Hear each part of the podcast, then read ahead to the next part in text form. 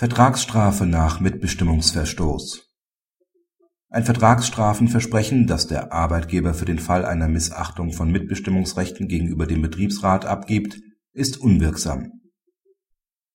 Zur Erledigung eines arbeitsgerichtlichen Beschlussverfahrens schließt der Arbeitgeber mit seinem Betriebsrat einen Vergleich, in dem sich der Arbeitgeber verpflichtet, Versetzungen nach § 99 BetriebsVG nicht vorzunehmen solange der Betriebsrat seine Zustimmung dazu nicht erteilt hat und diese Zustimmung auch nicht im arbeitsgerichtlichen Beschlussverfahren ersetzt worden ist. Der Arbeitgeber verpflichtet sich des Weiteren, für jeden Fall der Zuwiderhandlung gegen diese Regelung (bezogen auf jeden Verstoß im Rahmen einer Einstellung und Versetzung) ein Ordnungsgeld in Höhe von 1.000 Euro an den örtlichen Kreisverband des Deutschen Roten Kreuzes zu zahlen als die Parteien später keine Einigung über die Mitwirkung des Betriebsrats erzielen, beantragt dieser im arbeitsgerichtlichen Beschlussverfahren, den Arbeitgeber zu einer entsprechenden Zahlung zu verpflichten.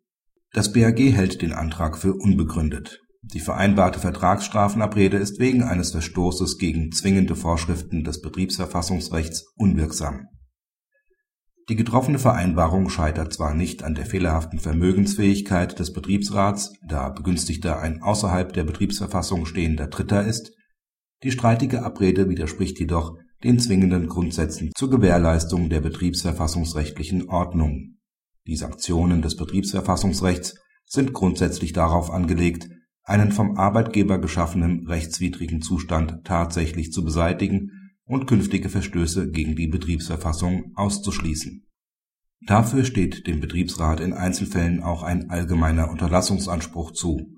Bei personellen Maßnahmen im Sinne von § 99 BetriebsVG hat der Gesetzgeber in § 100 und 101 BetriebsVG detaillierte Vorschriften dafür geschaffen, unter welchen Voraussetzungen und in welcher Weise Verstöße gegen Mitbestimmungsrechte zu sanktionieren sind sofern der Betriebsrat gegen ein mitbestimmungswidriges Verhalten vorgeht, was grundsätzlich in seinem Ermessen liegt, verfallen etwaige beigetriebenen Ordnungs und Zwangsgelder der Staatskasse. Dadurch ist gewährleistet, dass die zwangsweise Durchsetzung oder Wiederherstellung der betriebsverfassungsrechtlichen Ordnung ausschließlich im Interesse der vom Betriebsrat vertretenen Arbeitnehmer und unabhängig von sachfremden Erwägungen erfolgt. Das sichert die äußere Unabhängigkeit der Amtsführung des Betriebsrats mit diesen Grundsätzen ist die vereinbarte Vertragsstrafe nicht vereinbar. Insbesondere besteht die Gefahr, dass sich der Betriebsrat mit dem Eintreiben der Vertragsstrafe begnügt, ohne sich um eine tatsächliche Beseitigung des betriebsverfassungswidrigen Zustands zu bemühen. Damit würde betriebsverfassungswidriges Verhalten für den Arbeitgeber zugleich kalkulierbar. Schließlich ist das Sanktionssystem des Betriebsverfassungsrechts nicht darauf gerichtet, Dritte zu unterstützen, selbst wenn sie wohltätige Zwecke verfolgen Praxishinweis Das BAG steht Vereinbarungen der Betriebspartner, mit denen bestehende Mitbestimmungsrechte verstärkt, abgeschwächt oder in sonstiger Weise abweichend von den gesetzlichen Bestimmungen gestaltet werden sollen, generell ablehnend gegenüber. Das ist vor dem Hintergrund des ordnungspolitischen Charakters der Vorschriften des Betriebsverfassungsrechts sicher richtig. Mit der vorliegenden Entscheidung stärkt das Gericht dabei die tendenziell schwache Position der Unternehmen.